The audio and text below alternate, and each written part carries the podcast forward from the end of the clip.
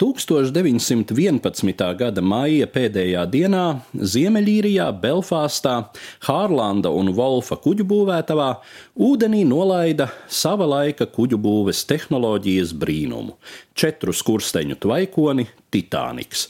Tas ir tam brīdim, kas īpašs, vēl neredzēts sasniegums kā izmēru, tā iekārtojuma ziņā. Kuģis paredzēts vairāk nekā 3,5 tūkstošiem pasažieru un apkalpes locekļu, uz tā ir peldbaseins, vingrošanas zāle, turku pirts un grezns restorāns Café Parisien. Savā ziņā var teikt, ka pirmajā kuģojumā Titaniks ir kā mazs sabiedrības modelis ar komfortabli iekārtojušos sabiedrības krējumu pirmajā klasē un labāku dzīvi augstošajiem trešās klases pasažieriem zemākajos klājos.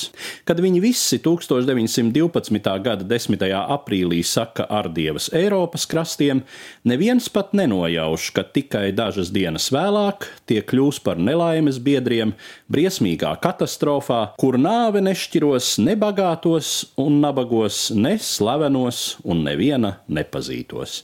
1912. gada 14. aprīļa vakarā uz kuģa klāja ir 2240 cilvēki.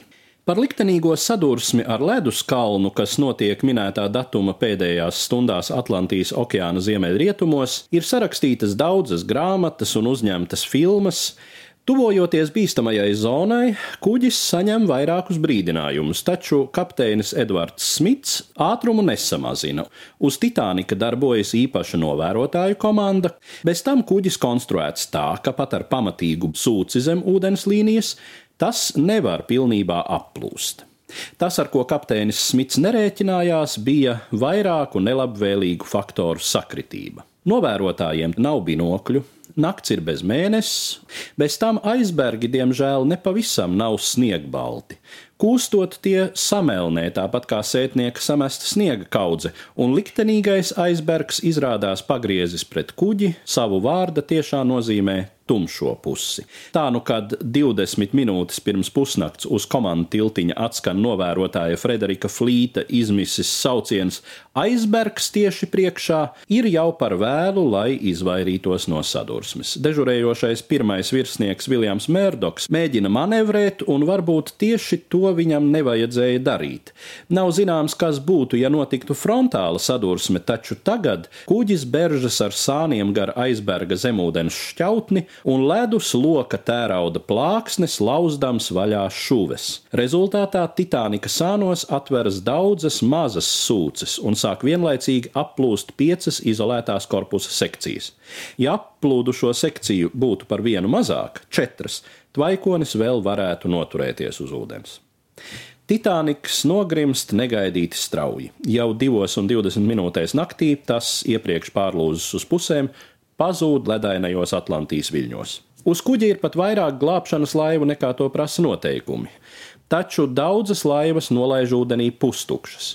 Tā nu pasažieri nonāk arī ūdenī, gan ar glābšanas vestēm un riņķiem, gan bez tiem. Viņiem izdzīvot ir maz cerību. Dažus uzņem glābšanas laivas, pārējiem lemts noslīgt vai nosalt. Arī viņus vēl varētu glābt, ja palīgā atsteigtos kuģis Kalifornietis, kas atrodas tikai dažu kilometru attālumā. Taču kuģa radists 11. vakarā izslēdz rāciju un dodas gulēt. Kad uz kalifornieša redz signāla raķetes, tas mēģina sazināties ar gaismas signāliem, bet Titaniks vairs neatbild.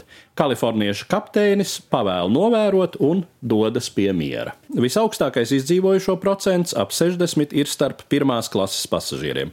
Otrajā klasē izdzīvo 44%, trešajā tikai katrs ceturtais.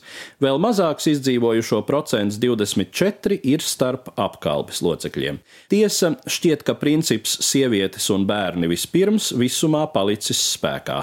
Izdzīvojušo procents starp trešās klases pasažieriem ir tomēr augstāks nekā starp pirmās klases pasažieriem.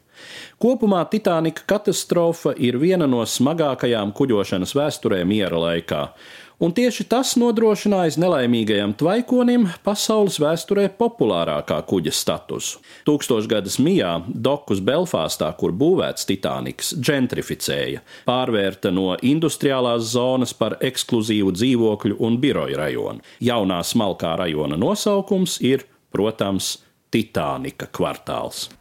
Stāstīja Eduards Liniņš.